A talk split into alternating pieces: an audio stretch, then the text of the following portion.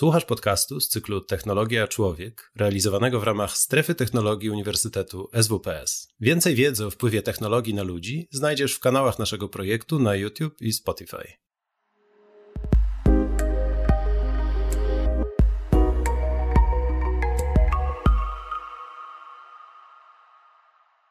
Nasze dzisiejsze spotkanie zatytułowane jest Cyberataki w konflikcie międzynarodowym. Jest kolejnym realizowanym w cyklu, co do którego, jak przy naszym poprzednim spotkaniu wspominałem, pewnie wolałbym, żeby nigdy e, nie zaistniał, e, bo cykl zatytułowany jest w obliczu wojny. I oczywiście będziemy się na dzisiejszym spotkaniu przede wszystkim koncentrować na e, wspomnianej w tytule kwestii cyberbezpieczeństwa i oczywiście na E, toczącym się e, obecnie w Ukrainie konflikcie e, zbrojnym i nie tylko.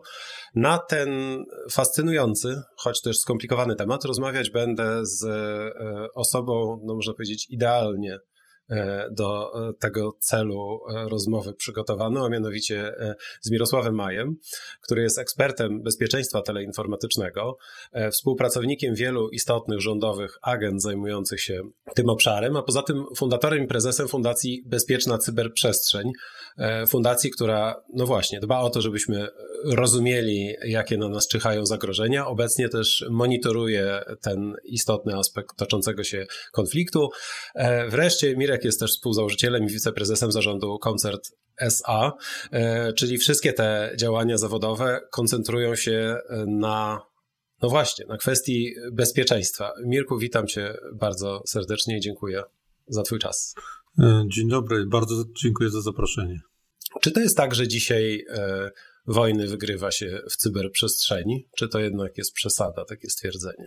No chyba mamy tutaj y, niestety za granicą bezpośrednio y, dowód na to, że jeszcze tak nie jest. Y, nie wiadomo jak to będzie w przyszłości, ale w tej chwili cyberprzestrzeń jest kolejnym elementem. Jakbyśmy chcieli tak definicyjnie, formalnie odpowiedzieć, to pewnie warto by było sięgnąć do tego, co często zresztą przywoływane jest, że w 2015 roku cyberprzestrzeń została dopisana do obszarów, do tak zwanych domen prowadzenia e, konfliktu e, jako równoprawny z, z wodą, powietrzem, lądem, e, a nawet niektórzy dodają do tego kosmos. I no jest tym elementem, który jest bardzo ważny, ale nie, ja mówiąc wprost, mimo tego, że być może tak by zabrzmiało fajnie, bo odpowiedział i wtedy bym starał się być ekspertem od e, najważniejszej dziedziny naszego życia. Nie jest tak jeszcze, jest to bardzo ważna dziedzina naszego życia. Dzisiaj wojny nie wygrywa się jeszcze w cyberprzestrzeni. Może nigdy tak zresztą nie będzie, ale na pewno będzie tak, że z każdym kolejnym e, rokiem, e, z każdym odpukać, ale no taka jest rzeczywistość konfliktem, rola tego czynnika będzie wzrastała. Taka jest moja opinia. A skoro ta rola wzrasta, to na czym ona właściwie obecnie polega? No bo tak obserwując to z perspektywy zewnętrznej, to można zobaczyć różne działania o charakterze może bardziej takim powiedzielibyśmy propagandowym czy komunikacyjnym. E, są też pewne działania, które ewentualnie mogą dotyczyć, e, nie wiem, wpływu na infrastrukturę i pojawiają się osoby jakoś tym zatroskane i wypowiedzi, a, ale to jest wszystko opinia laików. A, a jak jest naprawdę? Myślę, że tutaj powinniśmy odróżnić takie dwie e, poddomeny tej głównej domeny cyberprzestrzeń. Ja bym powiedział tutaj o taką e, domenę, którą często kojarzymy z czymś, co, o czym mówimy jako cyberataki. I mówimy też e, o czymś, co nazywamy atakami informacyjnymi, albo bardziej popularnie nazywamy to dezinformacją, czy jeszcze bardziej kolokwialnie fake newsami. To są takie dwa obszary, które od razu zaznaczę, że one bardzo ze sobą ściśle współistnieją i w szczególności agresor, z którym teraz się boryka cały świat, a przede wszystkim nasi przyjaciele z Ukrainy, e, to jest mistrzem świata niestety w tym, jak potrafi się łączyć te dwie e, domeny. Jest bardzo dużo dowodów z, z przeszłości, e, jak Rosjanie potrafią łączyć ataki techniczne z atakami dezinformacyjnymi. To przy okazji tej wojny może tego tak bardzo nie widać, ale bo jakby nacisk i jakby ciężar E, środek ciężkości jest przesunięty trochę w innym kierunku na te działania wojenne, kinetyczne, ale w przeszłości wielokrotnie tak e, miało e, miejsce. Więc jeżeli byśmy chcieli sobie tak znowu trochę półdefinicyjnie poukładać ten cały obszar, to powinniśmy mówić o obszarze o cyberprzestrzeni jako przestrzeni informacyjnej i cyberprzestrzeni jako przestrzeni takiej technologicznej, w której, no i tutaj właściwie mamy bardzo prostą odpowiedź, dlaczego to jest ważne.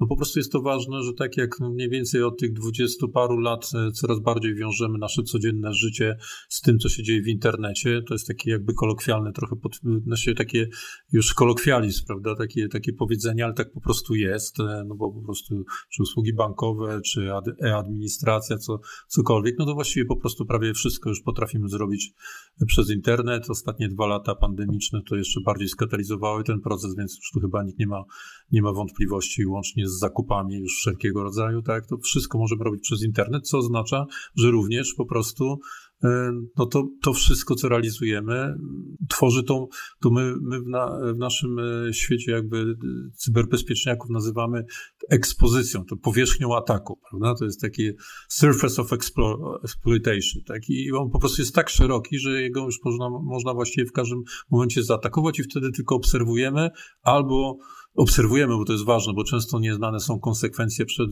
uruchomieniem takiego ataku, konsekwencje takich ataków. Mhm.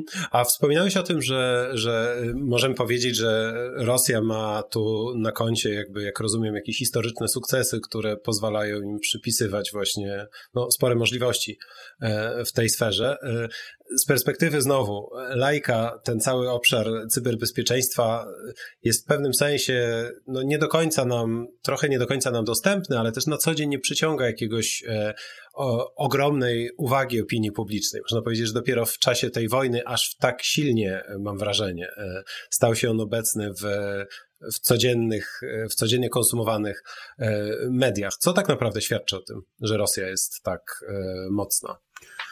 No świadczy o tym to, że po prostu Rosja zawsze historycznie tak robiła i jest ważne to, żeby rozumieć, że robiła to już przed czasem zdigitalizowanego świata, bo po prostu jakby działanie pod tytułem dezinformacja, czyli jakby oddziaływanie poprzez manipulację informacją albo podawanie nieprawdziwej informacji. No jakby zawsze było w arsenale po prostu służb e, specjalnych, w szczególności e, sowieckich, pewnie jeszcze wcześniej carskich, bo tak naprawdę jakby ktoś, ktoś się historią interesuje, to też to wie, że to jest po prostu pełna kontynuacja pewnych metod działania i po prostu przynieśli to absolutnie również przestrzeń informacyjną.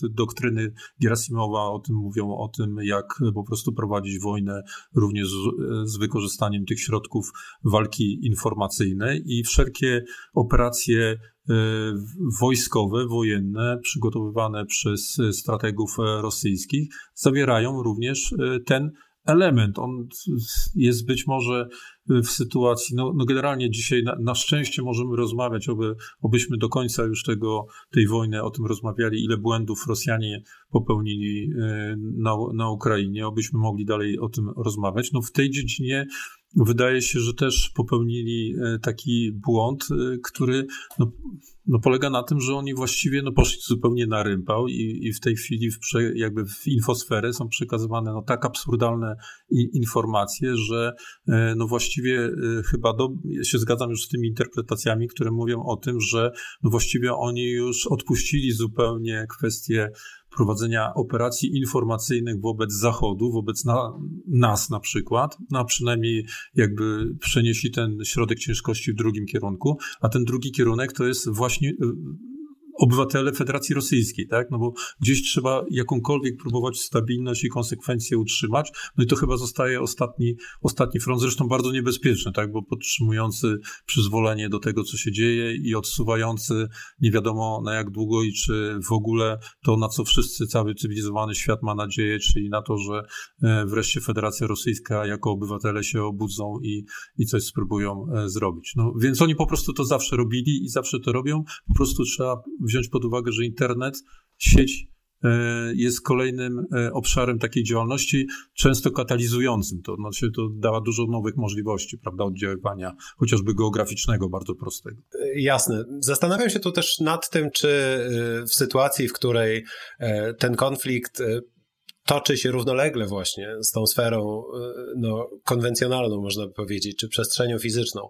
Toczy się w tej płaszczyźnie wirtualnej. Jak my możemy ocenić skalę i w ogóle czy są tu łatwo, łatwe do zdefiniowania strony tego konfliktu, bo dla wielu osób to, co dzieje się E, jeżeli chodzi o to, o, o, konflikt tradycyjny. To jest ogromnym zaskoczeniem i można by powiedzieć pewnym, no niewątpliwie dla, dla samego Putina rozczarowaniem to, że skuteczność e, jego wojsk. A, a jak to wygląda w cyberprzestrzeni i skąd my w ogóle możemy wiedzieć, jak ten konflikt wygląda, jak się go monitoruje?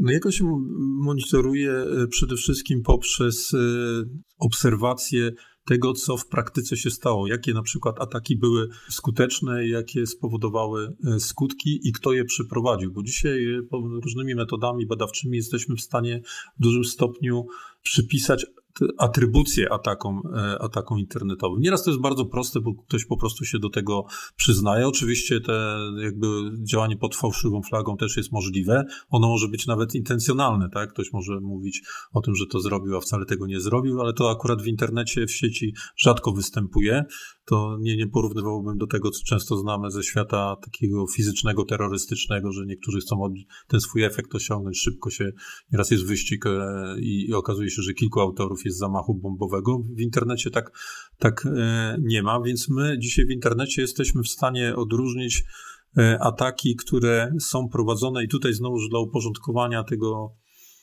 obszaru wiedzy bym e, chciał powiedzieć o, o tym, kto przeprowadza właśnie tego typu ataki. Ja bym tu podzielił przede wszystkim na trzy grupy są, prawda? E, to pierwsza to są tak zwani cyberprzestępcy. Moglibyśmy je, ich kojarzyć po prostu z przestępcami pospolitymi, ekonomicznymi, tak, którzy po prostu kradną, tak? Oni w internecie kradną.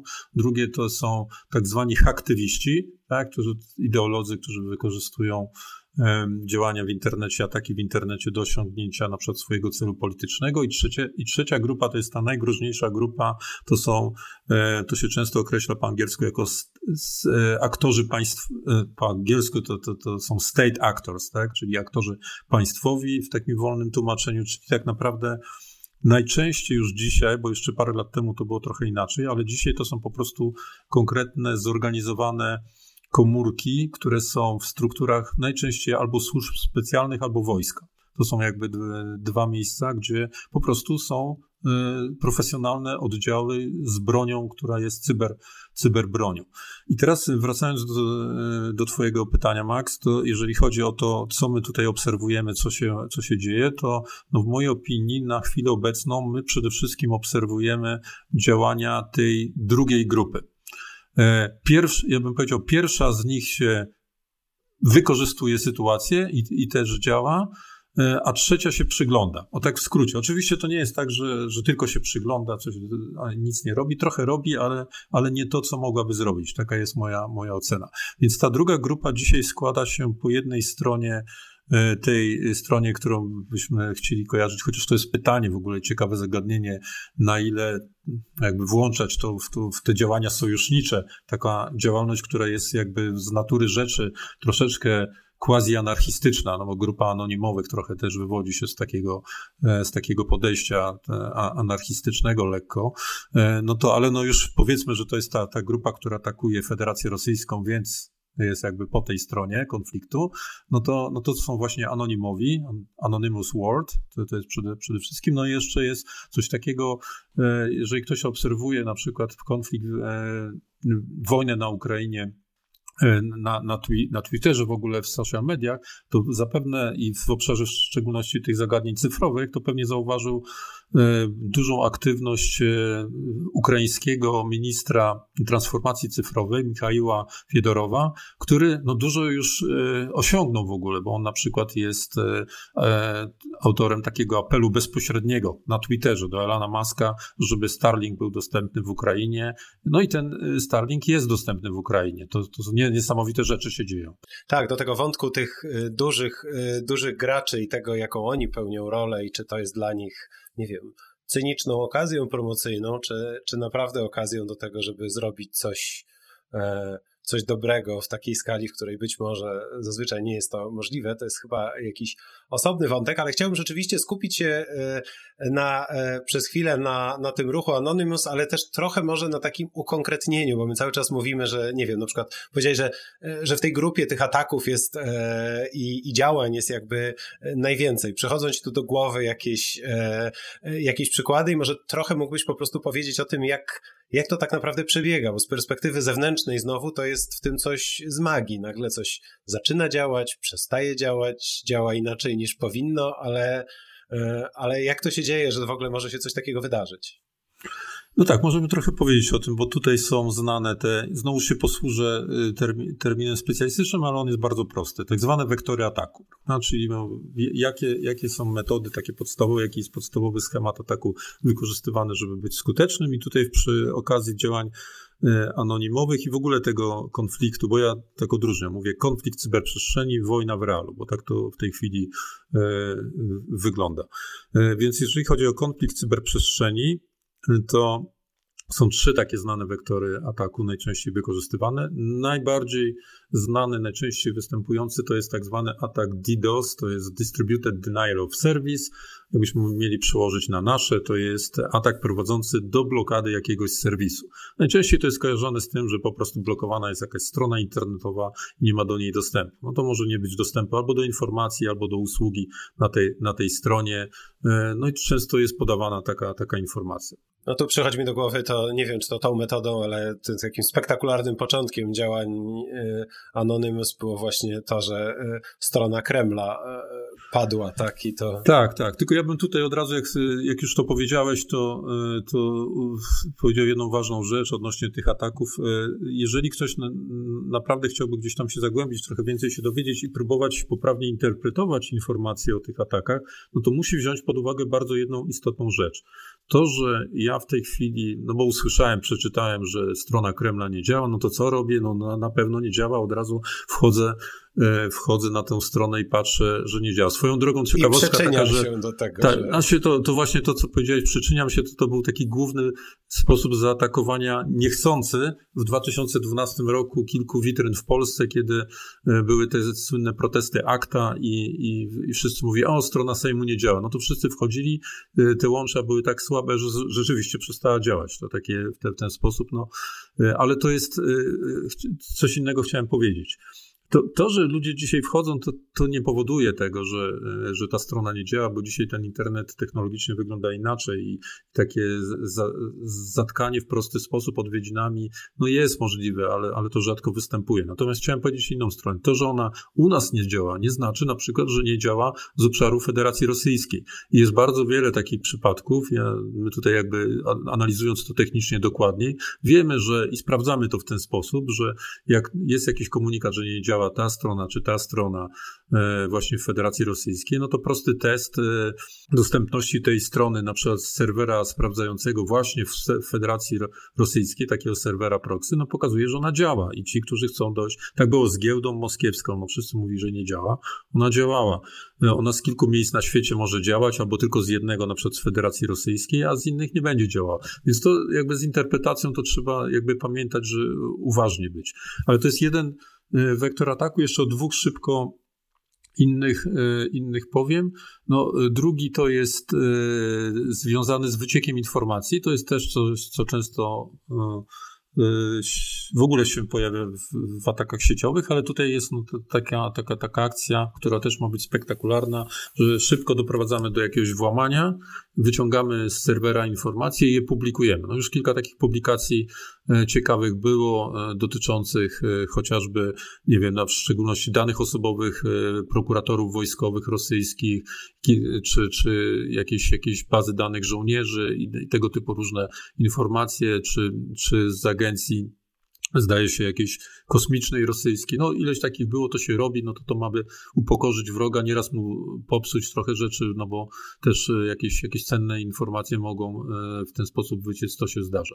No i trzeci taki najbardziej e, prowojenny, bym powiedział, to jest destrukcyjny, który na co dzień on rzadko występuje. On kiedyś występował, ale on teraz powrócił przy okazji tej wojny, bo to jest destrukcja polegająca na tym, że złośliwe oprogramowanie, które, którym udaje nam się zaatakować e, drugą stronę, doprowadza do zniszczenia jego danych. Czyli na, na przykład te, to się nazywają takie e, malware wipery, tak? czyli on po prostu się pojawia na, na komputerze i on po prostu czyści dane. To jest odpowiednik on jakby cała technika i, i, włamania, ten, ten wektor ataku jest bardzo, bardzo podobny do czegoś, co znamy od kilku lat, czyli od ransomware'u, czyli ten okup, prawda, za, za zaszyfrowanie danych, tylko jakby ten ostatni e, ruch jest inny, tak? Nie szyfrujemy i nie żądamy oka, okupu, tylko po prostu niszczymy i liczymy na to, że już nikt ich nie, nie, nie znajdzie. To ma prowadzić jakby do pewnego e, chaosu. I to są trzy najbardziej znane w tej chwili najpop, najbardziej popularne wektory e, ataków.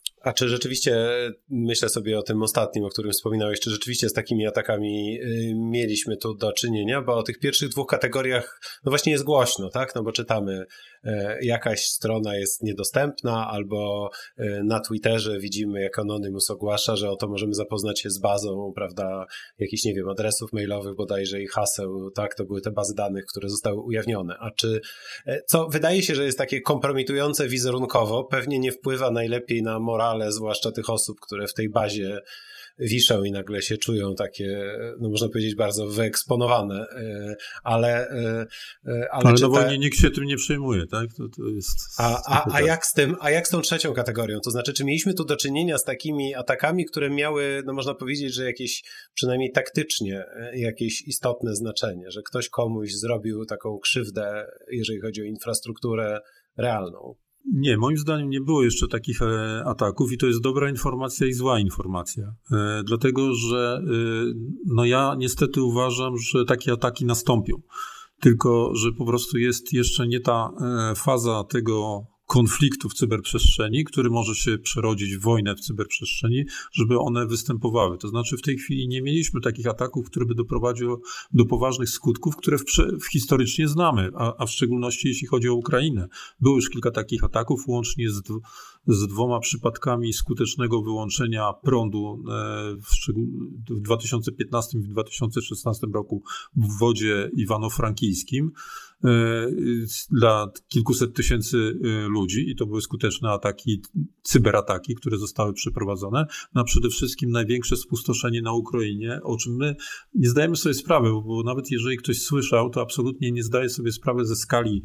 W większości przypadków, nie wiem, ktoś się bardzo interesuje, to może sobie zda, zdaje sprawę albo, albo czytał chociażby książkę Fifth Domain, którą bardzo po, polecam na ten, na ten temat, e, między innymi na ten temat, jakie spustoszenie w 2017 2015 roku na Ukrainie poczynił tak zwany wirus NotPetya, który no naprawdę sparaliżował bardzo poważne firmy i, i dużą część usług na, na Ukrainie. E, i to miało duże konsekwencje. Do nas to w niewielkim stopniu dotarło. Ten, ten, ten wirus też dotarł poprzez firmy, które współpracowały z firmami ukraińskimi również do Polski, ale w innych częściach świata poczynił jeszcze, jeszcze większe spustoszenie. Tutaj no, największe straty poniosła, to jest, podaję przykład firmy Maersk, no, znana firma logistyczna, transportowa o zasięgu globalnym, działającym e, globalnie, która w miliardach liczyła swoje, swoje straty. I takie rzeczy w tej chwili nie wystąpiły. A czy jeżeli to chciałem się dopytać, czy jeżeli mówisz o tym, że, że, że te straty podówczas rozchodziły się niejako po świecie, to to były zamierzone czy niezamierzone efekty. To znaczy w sytuacji takiego ataku my potem trochę jak z wirusem biologicznym słabo kontrolujemy, co się z nim dalej dzieje. To jest super pytanie. Wydaje mi się, że chyba tak jakbyś znał odpowiedź, Max, na, na to pytanie. To jest do, dokładnie przyczyna, która jest bardzo często podawana, że mamy tutaj do czynienia z bronią, Mówię o cyberbroni, która jest porównywalna przez niektórych do tego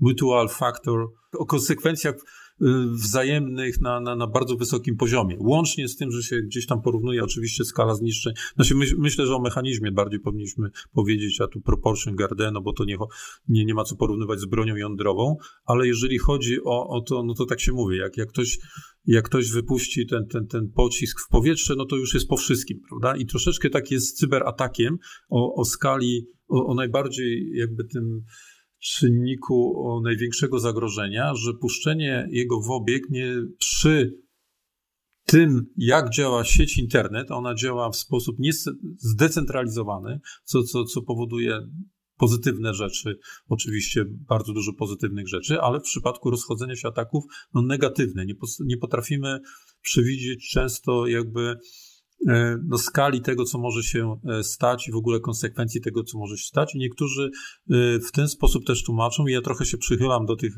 opinii, że nie mamy w tej chwili do czynienia z atakami o tej skali, dlatego że to by de facto przesunęło E, jakby konflikt w różne obszary nowe, tak? Jeżeli by, w szczególności jeśli byśmy mieli do czynienia z konsekwencjami, takimi skutkami kinetycznymi.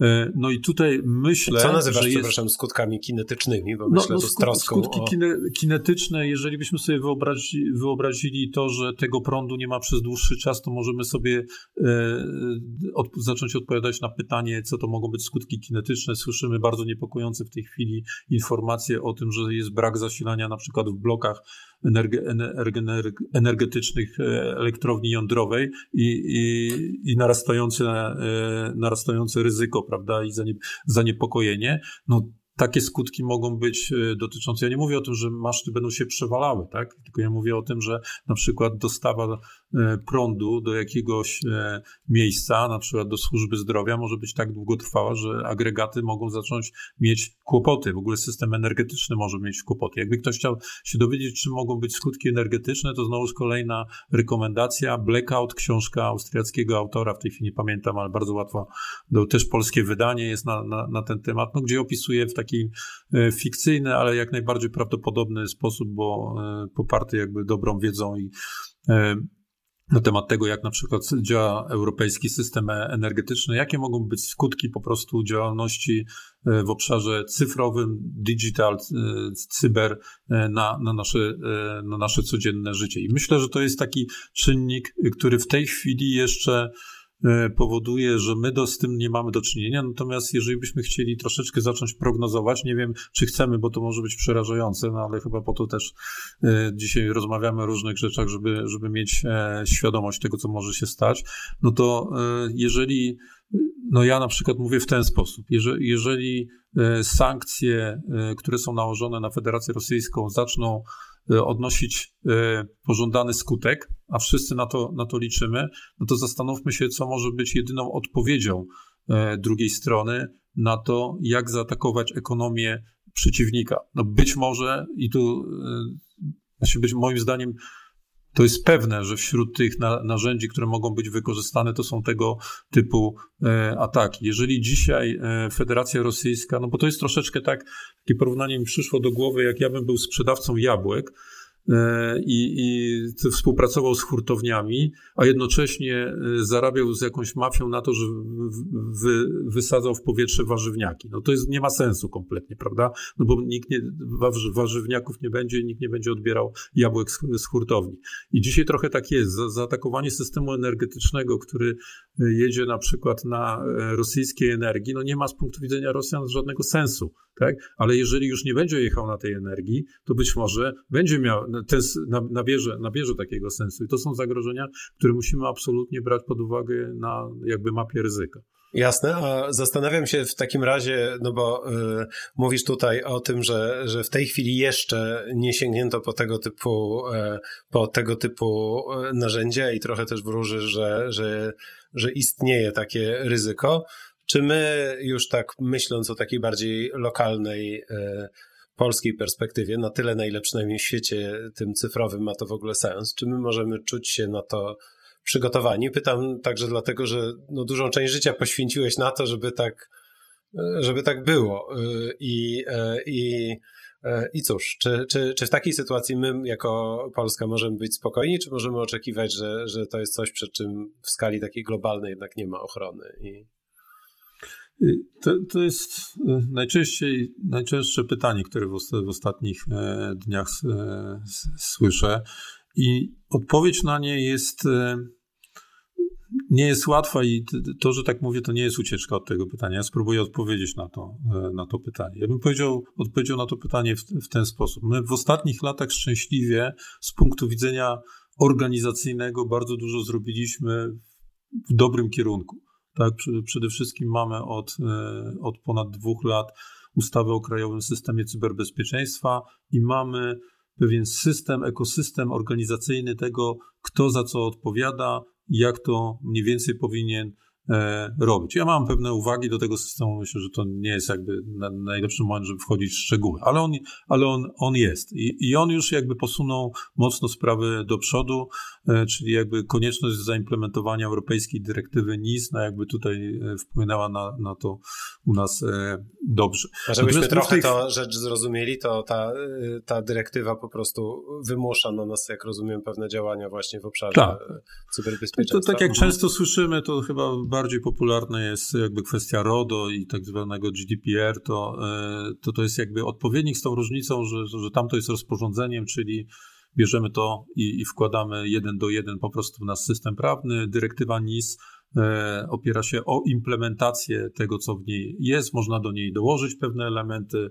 E, no, trzeba wszystko w jakiś sposób zaadresować, jak to się popularnie mówi, ale ona, ona musi być. No i, i, u nas, i u nas jest. Natomiast pytanie teraz, no bo to jest trochę teoria, tak? Mówimy organizacyjnie, ładnie to nazywamy, ale tak naprawdę nadal to zostaje teorią, trochę na pewno poprawia. Natomiast jak jest w praktyce? I tutaj kłopot nasz polega na tym, że my nie mamy na dzień dzisiejszy żadnych mierników. Na przykład, jakby ktoś się tym zainteresował takim tematem spróbował powiedzieć, czy w Stanach Zjednoczonych to jest chronione w poszczególnych sektorach kluczowych, prawda, takich jak energetyka, finanse, służba zdrowia, transport i jak to się odbywa, na jakim, na jakim stopniu to jest i jak to z roku na rok przebiega. No to okazałoby się, że znalazłby nawet dane liczbowe, że ten sektor to jest, e, dostał 45 punktów, a tamten 50, bo zrobił tamto, siamto i tak dalej. U nas niestety takiego miernika nie ma, nawet pewnej, nie ma po prostu metodyki, którą moglibyśmy to e, zmierzyć i to jest troszeczkę wrożenie z fusów. Ja z doświadczeń, to jakby ktoś chciał się dowiedzieć, co ja myślę na ten temat, jak jest naprawdę, to ja uważam, że dzisiaj e, naprawdę nieźle jest zabezpieczony sektor finansowy. E, bo on chcąc nie chcąc musiał już wiele lat temu rozpocząć inwestycje, bo tam jest najkrótsza droga pomiędzy atakiem a tym, że giną pieniądze. Tak? Po prostu atak jest skuteczny na konto, to giną pieniądze i tutaj nie trzeba długo tłumaczyć, co może być skutkiem ataku na nas. Tak? No, trzeba prezesowi mówi się, no skutkiem może być na przykład 100 e, milionów, które straciliśmy w zeszłym miesiącu. Aha, no to, no to za 50 milionów jak zainwestujemy, to jest żaden wydatek. Prawda? I to, I to jest prosta historia. W każdym innym sektorze takich historii prostych nie ma. Nieźle jest od pewnego czasu, na szczęście w tym drugim sektorze, czyli sektorze energetycznym, gdzie no właściwie wszystkie najważniejsze spółki powołały takie struktury i one mają specjalistów, działają i tak dalej. Trudno odpowiedzieć, na to, jak dobrze jest, e, bo no, na szczęście mocno tego nie testowaliśmy. Ja uważam akurat, że tutaj troszeczkę problem jest taki, że w przypadku takiego konfliktu, jaki teraz obserwujemy, to jest e, sektor o wybijający od razu pik, jeśli chodzi o po prostu, jakbyśmy chcieli zrobić wykresy słupkowe, który z sektorów jest najbardziej zagrożony, no to energetyczny od razu wskakuje, wskakuje na, na górę, nawet powyżej finansowego, moim, moim zdaniem. I tutaj po prostu ten sektor jest, chcąc nie chcąc, narażony na ataki najwyższej klasy, najbardziej niebezpieczne, na przykład tych aktorów państwowych. I to może być problem. A to w takim razie zadam takie pytanie. Yy, znowu pewnie naiwne, ale cała ta sfera cyberbezpieczeństwa jest trochę taką, która, no może w tej rozmowie i w ostatnich dniach trochę jest bardziej, można powiedzieć, na widoku, ale, ale to jest jak z, trochę jak ze służbami, to znaczy jak one dobrze działają, to nikt o nich nie słyszy, nikt nie wie i też nie ma tak? I, I, rzeczy, które nie powinny się dziać, się nie dzieją. A jak to będzie w wypadku, e, e, w wypadku takich ataków? To znaczy, czy, czy my się w ogóle o tym dowiemy, czy już właśnie dowiemy się dopiero po jakichś ponurych e, skutkach, bo myślę sobie tu o, o, o, tym, że ta obecna sytuacja wywołuje po prostu w opinii publicznej bardzo duży poziom lęku, więc co powinno nas uspokajać, a co powinno nas niepokoić? I jeżeli ktoś chciałby wiedzieć, jak jest naprawdę, to, to gdzie mógłby się tego dowiedzieć? Jeżeli e, ktoś chciałby wiedzieć, jak jest naprawdę i gdzieś chciałby się tego dowiedzieć, no to ni niestety jest tak, że on najprawdopodobniej e, wtedy odczuje bezpośrednio e, skutki czegoś takiego, coś, co najbardziej jest niepokojące tak bezpośrednio, w takim bezpośrednim oddziaływaniu na tak zwanego obywatela, albo nawet jakby firmy, spółki, podmioty. Natomiast no, z tymi atakami, no jakby Znowuż trochę porządkując ten obszar, to zabrzmi tak mocno jakby akademicko, ale tak jest, ale to też uzmysławia w sposób praktyczny pewne, pewne konsekwencje. Bezpieczeństwo generalnie ma swoje trzy cechy, tak, których utrzymanie mówi, sprawia, że jesteśmy bezpieczni. Jeżeli potrafimy zachować integralność informacji, czyli zadbać o to, żeby ktoś jej nam nie podmienił, to jesteśmy bezpieczni. Jeżeli potrafimy zachować poufność informacji, że ktoś na przykład nas nie podsłuchał, no to jesteśmy bezpieczni. Jeżeli potrafimy zachować dostępność informacji, czyli na przykład przed atak, przed tym DDoSem, tak, że ktoś nam, że, że możemy świadczyć jakąś usługę, no to jesteśmy bezpieczni. teraz mamy te trzy cechy i to się właściwie składa na 100% bezpieczeństwa, bo wszystko jest jakby pochodną. I teraz, no niektóre z nich no, same w sobie jakby z natury rzeczy e, są widoczne. No bo jeżeli mówimy o tej dostępności, no to jak nie, nie będzie dostępne, no to my to od razu zobaczymy, tak? Natomiast jeżeli na przykład mówimy o poufności, no to teraz, jeżeli zaatakują anonimowi, no to za, najprawdopodobniej się dowiemy, no bo to jest ich w ogóle jakby modus operandi działania wykrać informacje i szybko opublikować, żeby pokazać po prostu, ale jeżeli zaatakują służby specjalne i wykradną jakąś informację, to my najprawdopodobniej się o tym nie dowiemy, dlatego że ta informacja dopiero zostanie rzucona w machinę wykorzystania, prawda? I te, tego, na, na przykład jak mówiłem o tych operacjach łączenia ataków technicznych i ataków dezinformacyjnych, to tak to się odbywa. Na przykład służby specjalne poprzez różne swoje zdolności techniczne wykradają jakąś, jakąś informację, a później okazuje się, że dopiero za jakiś czas, na przykład tak zwane, już mówiąc umownie, trole spod Sankt Petersburga zaczynają puszczać jakąś linię narracyjną, opartą o tę informację, tak? I ona na przykład zawiera kawałek prawdziwej informacji, żeby ją uwiarygodnić i obudujemy ją jeszcze dodatkowo całym po prostu e, takim kłamstw, tak? I, i, i zaczniemy oddziaływać. Także wobec niektórych z tych cech, jak na przykład e, połówność albo integralność, bo ktoś zamieni coś na, i takie mieliśmy przypadki, na przykład jeżeli były próby e, dyskredytacji obecności wojsk amerykańskich na, na terytorium Polski, no to polegało to na tym, że na przykład na wielu słabo zabezpieczonych serwerach www, na przykład też lokalnych, gdzieś tam na przykład w tych miejscach, gdzie Amerykanie stacjonowali, nagle pojawiały się jakieś informacje w serwisach, one nie były jakoś zhaknięte, a tutaj grupa taka was hakowała, ha, ha, ha. Tylko po prostu one zostawały, wyglądały tak, jak wyglądały, tylko no, nagle pojawiała się informacja, że żołnierze amerykańscy to narozrabiali w jakimś barze, prawda? I coś tam. No, wiemy o co chodzi, tak? Nie musimy sobie tutaj tłumaczyć, o co chodzi w takich, w takich atakach. Więc nie ma tak, każdy właściwie, w zależności od tego, jak, jak ta operacja strategicznie jest ułożona, to każdy z tych ataków no, może mieć cel albo od razu po prostu ujawnić go, albo go albo go e, ukryć. Ukryć. No, w tej chwili mówiliśmy o, o takich działaniach, które są prowadzone właśnie można powiedzieć na takim bardzo poziomie, w takim razie często gdzieś tam poniżej poziomu wody, można powiedzieć. Czasem widzimy konsekwencje, ale nie widzimy często tego mechanizmu, no ale jest ta bardzo potężna propagandowa machina, która równolegle w obecnej sytuacji cały czas funkcjonuje. Już wspomniałeś o tych no, przysłowiowych trollach e, z, z jakichś takich czy innych e, farm. I w czasie poprzedniego spotkania, które tu moderowałem, rozmawialiśmy właśnie o tym, co dzieje się, o, o problematyce fake newsów, bardziej z takiej perspektywy powiedziałbym narracyjnej i tego, co się dzieje w opinii publicznej. A jak to wygląda właśnie od strony e, technologicznej? Czy, czy my dysponujemy jakimiś danymi, które pozwalają nam to obiektywnie zmierzyć i w ogóle powiedzieć, że, że w tej chwili, nie wiem, w, w tym dyskursie e, medialnym, który się toczy w Polsce, rzeczywiście e, taka interferencja z zewnątrz ma jakieś istotne znaczenie, czy, czy niekoniecznie? Jeżeli dobrze zrozumiałem, chciałem się tylko upewnić, to do, Py pytanie dotyczy trochę aspektów, na ile technologicznie jesteśmy w stanie oszacować to, co się dzieje w warstwie informacyjnej, tak? Na ile jesteśmy w stanie to technologicznie y, po pierwsze oszacować, a po drugie, no właśnie, jaka jest twoja, jak to się robi, jaka jest twoja diagnoza obecnej sytuacji? Czy, czy tu są te działania intensywnie prowadzone, czy, czy to jest tylko coś, co media podnoszą, a tak naprawdę to jest jakiś margines? Jak to wygląda? Jest, jest, to, jest to prowadzone intensywnie i bym powiedział tak, jesteśmy w stanie bardzo dużo osiągnąć poprzez e, badania, e, wymierne badania na temat tego, co obserwujemy w internecie, nie wiem, w social mediach, na Twitterze, Facebooku, poprzez badania techniczne i na podstawie takich badań już identyfikować, niezależnie od tego, nawet co ciekawe, nie, nie bardzo analizując treść, już jesteśmy w stanie identyfikować, że coś jest e, manipulacją, tak? Jest dezinformacją. O, o czym myślę? O, o czym wiem, tak, o czym teraz mówię? Mówię o tym, że do propagowania tego typu informacji są wykorzystywane e, sieci botnetów często na przykład, albo botów, tak?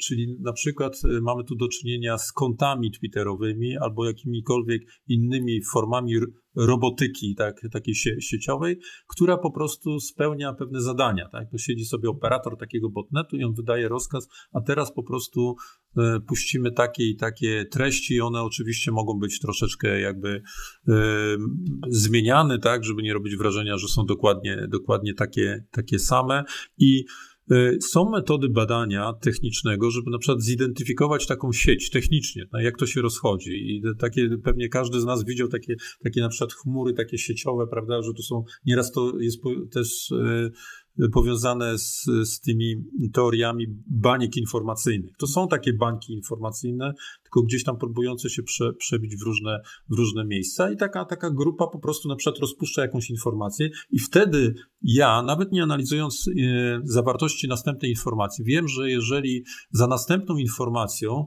jest, kryje się ta, ten sam, ta sama infrastruktura techniczna, no to jest dla mnie no, oczywiste, albo przynajmniej bardzo prawdopodobne, że znowuż mamy do czynienia z, z pewną y, manipulacją, tak, z, dezinformacją. I takich metod różnych jest, jest sporo. Co więcej, ja uważam, że akurat my, tutaj myślę w szczególności o, o Polsce, na, na, na świecie, w kilku ośrodkach, to już się robi. U nas chyba jeszcze za mało. My za mało wykorzystujemy tych metod i za bardzo sięgamy tylko do jakby takich prób e, ambitnych dosyć tego, żeby zawsze być pewnym co do tego, czy dana informacja jest dezinform dezinformacją, czy nie i przez to zaczynamy jakby dotykać bardzo niebezpiecznego tematu i takich przepychanek trochę o stłem politycznym, e, czy to jest cenzura, czy nie jest cenzura i tak dalej. Wydaje mi się, że gdybyśmy bardziej technokratycznie spojrzeli na ten, na ten problem, to byśmy mogli znacznie więcej osiągnąć. Aha, jeżeli dobrze rozumiem, to po prostu z pewnych strukturalnych e, cech, tak, tej sieci i tego, jak te informacje przepływają, my możemy wywnioskować, że po prostu dane źródło jest po prostu,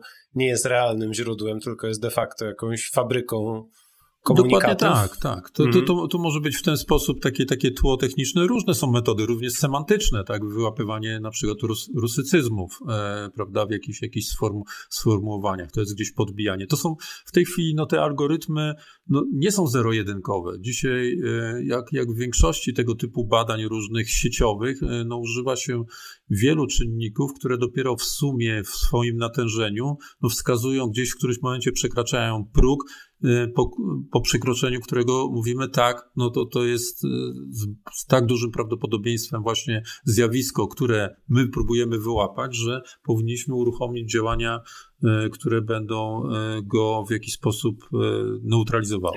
No i właśnie tu moja ciekawość, bo to wszystko od strony diagnostycznej, no nawet my, czasem może ta dezinformacja ma taki subtelny charakter, ale, ale czasem to jest zupełnie oczywiste, że dezinformacja, że, że, że dany komunikat, dany post jest, nie wiem, tak źle napisany albo taki standardowy, generyczny, replikowany, że widać po prostu, że, że, że nie stoi za tym człowiek albo że to jest jakiś zupełnie bezmyślne e, kopiowanie, ale e, no właśnie, jak od tej diagnozy przejść do działania? To znaczy, co my możemy zrobić, żeby zapanować nad tego rodzaju e, obszarem? Bo jak sam powiedziałeś, gdzieś natychmiast zapalają się też te czerwone lampki dotyczące cenzury, kontroli, tego, jak bardzo możemy ingerować w taki dyskurs, jak, jak zminimalizować wpływ tego rodzaju graczy na tej scenie.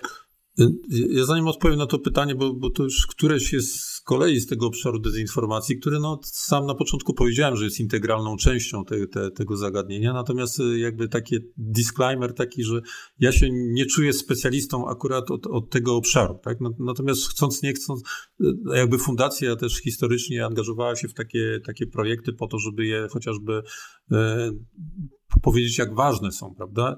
I teraz tak, jak tutaj przeciwdziałać. No, tych metod jest cała masa. Od, od tego, co najczęściej nam przychodzi i uważamy, że w ogóle jest panaceum na większość bolączek, nie tylko w internecie, ale w ogóle, czyli edukujmy, edukujmy. Oczywiście to jest jeden element, tak, musimy podwyższać poziom świadomości co do tego, e, co jest niebezpieczne. E, ja miałem kilka dni temu taką audycję w, w, w Radio Szczecin i w trakcie tej dyskusji no, przyszedł mi taki pomysł e, do głowy, że może to jest najlepszy czas do tego, żeby w serwisach informacyjnych oprócz pogody na przykład mówić o tym. No i dzisiaj, 11 e, marca 2022 roku, podstawowe linie dezinformacji e, wyglądają tak i tak, prawda? I są oparte o nasze badania techniczne, a nie, a nie Ministerstwo Prawdy. No bo to jest ważne dla ludzi, tak, żebyśmy w, te, w, tym, w tym kierunku nie, nie poszli. I wtedy ludzie mogliby jakby zacząć też troszeczkę uważać na to. To jest oczywiście śliskie, tak? Dlatego specjalnie sam po, troszeczkę storpedowałem tym, że tam może być Ministerstwo Prawdy, więc trzeba uważać, i, ale to no zakładam, że to jest do, do, do zrobienia. Natomiast co, no, to jest tak, to jest edukacja i budowanie świadomości e, jedno. To jest przede wszystkim badanie tego i oddziaływanie poprzez dementi, tak? Bardzo szybkie dementi z ośrodków, które muszą być traktowane jako środki wiarygodne, tak? Które szybko mówią. Tak, mieliśmy parę dni temu taki kryzys przez chwilę, kilka godzin trwał, jak pierwszy raz się pojawiła informacja o tym, że e, w wojnę na Ukrainie mogą się włączyć samoloty e, i nawet padło gdzieś tam w którymś momencie ktoś powiedział, że które będą startowały z Polski. No niebe, niezwykle niebezpieczna sytuacja, no i wszyscy czekali na dementi, tak? Tutaj dementi nieraz, nieraz no jakby w minutach liczone e, ma, zna, e, ma znaczenie. Więc my musimy, jeżeli wykryjemy to,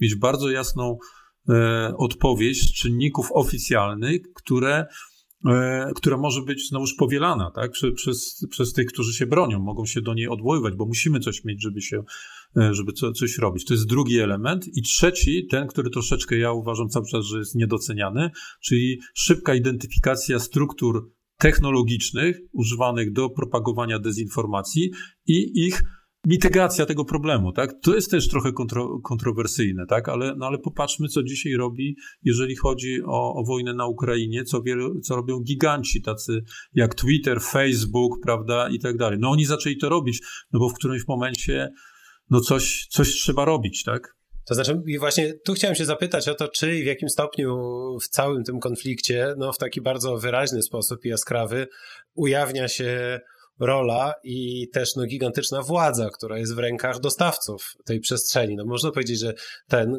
przynajmniej ta wojna informacyjna toczy się w cyberprzestrzeni, ale ktoś tę cyberprzestrzeń buduje. Ten Twitter nie jest ziemią niczyją, ten Facebook też nie jest, to są po prostu nic innego jak, jak przedsiębiorstwa. No mieliśmy też ten y, przykład e, wojny, można powiedzieć, pewnych działań pytanie jak, e, jak znaczących, jak skutecznych, ale próby jakby skolonizowania tej przestrzeni recenzji na Google i postowania. E, była ta propozycja, żeby postować bodajże w recenzjach restauracji e, na terenie Rosji, tak? Jakieś informacje dotyczące tego, jak przebiega ten konflikt, żeby jakąś metodą dostarczać informacje właśnie no, na drugą stronę, można powiedzieć, do tej rosyjskiej bańki informacyjnej. Ale tu może nie tyle pytanie o receptę, tylko może jakiś, jakąś twoją opinię, czy, czy, czy to jest tak, że, y, że w którymś momencie ci wielcy gracze technologiczni e, staną się w tym konflikcie jakąś wyraźną stroną, bo, bo teoretycznie mogliby.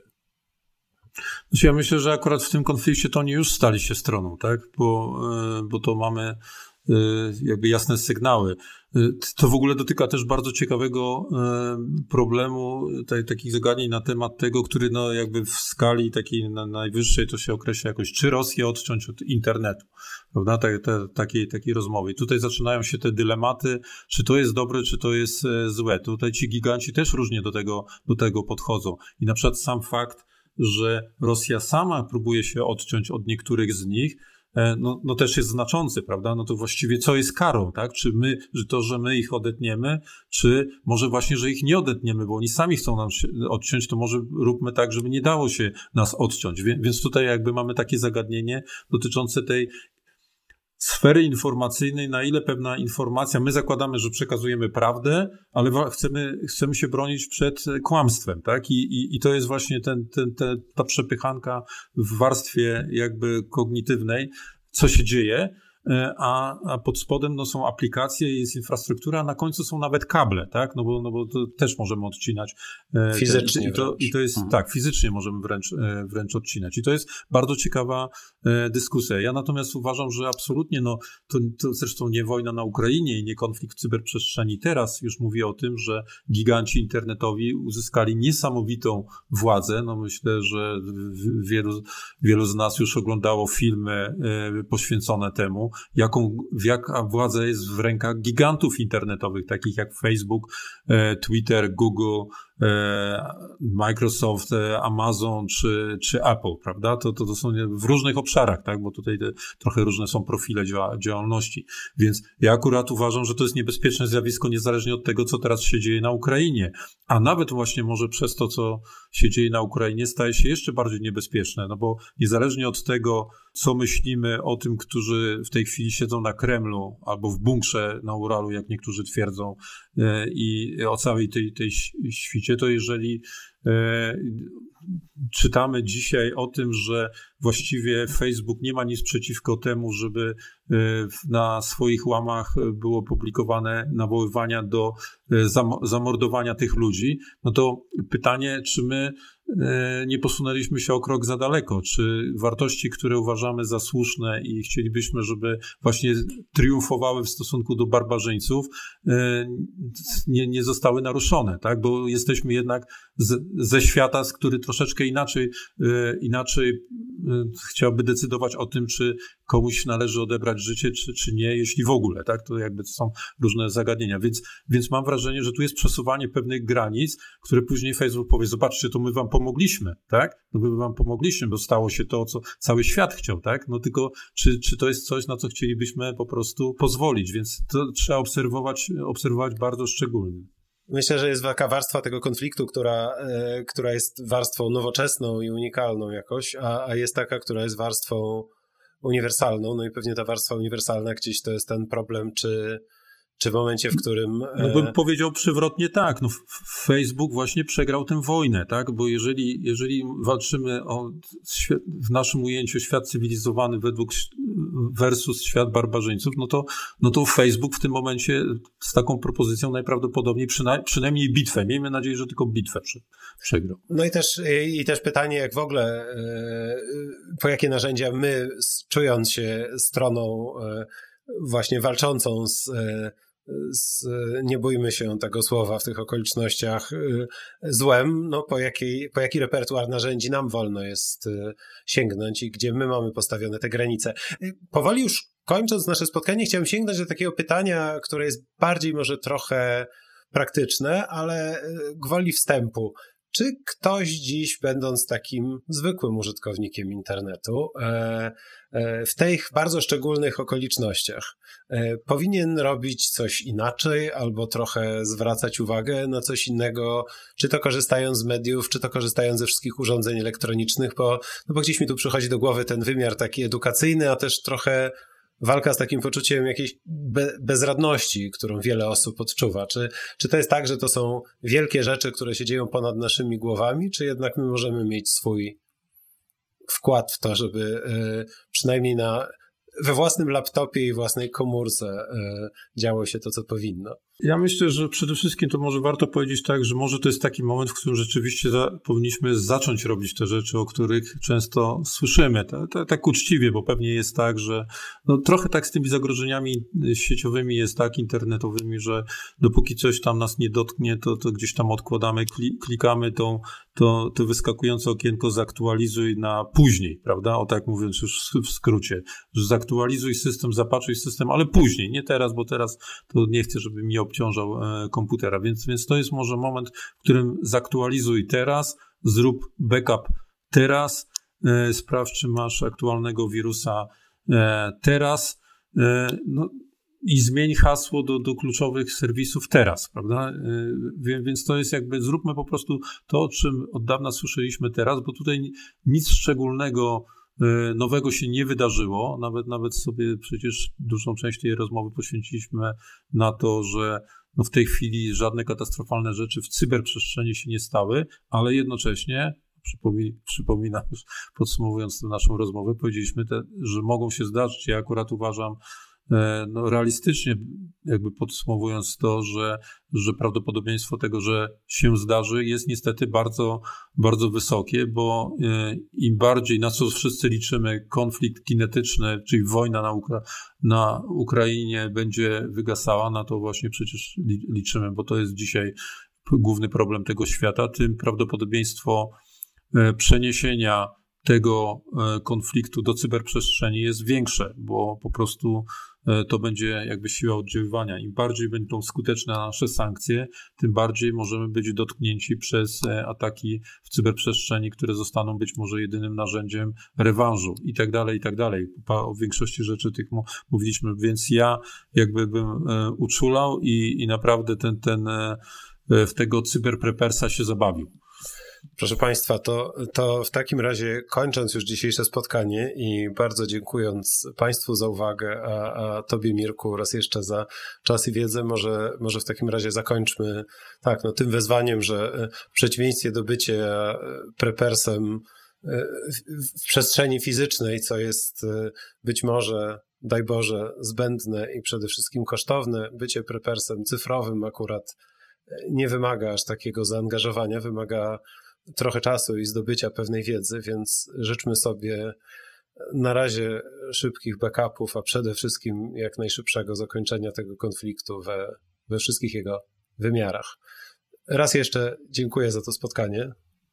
Dziękuję bardzo. I dziękuję Państwu. Do usłyszenia w następnym i do zobaczenia w następnym webinarze Strefy Technologii.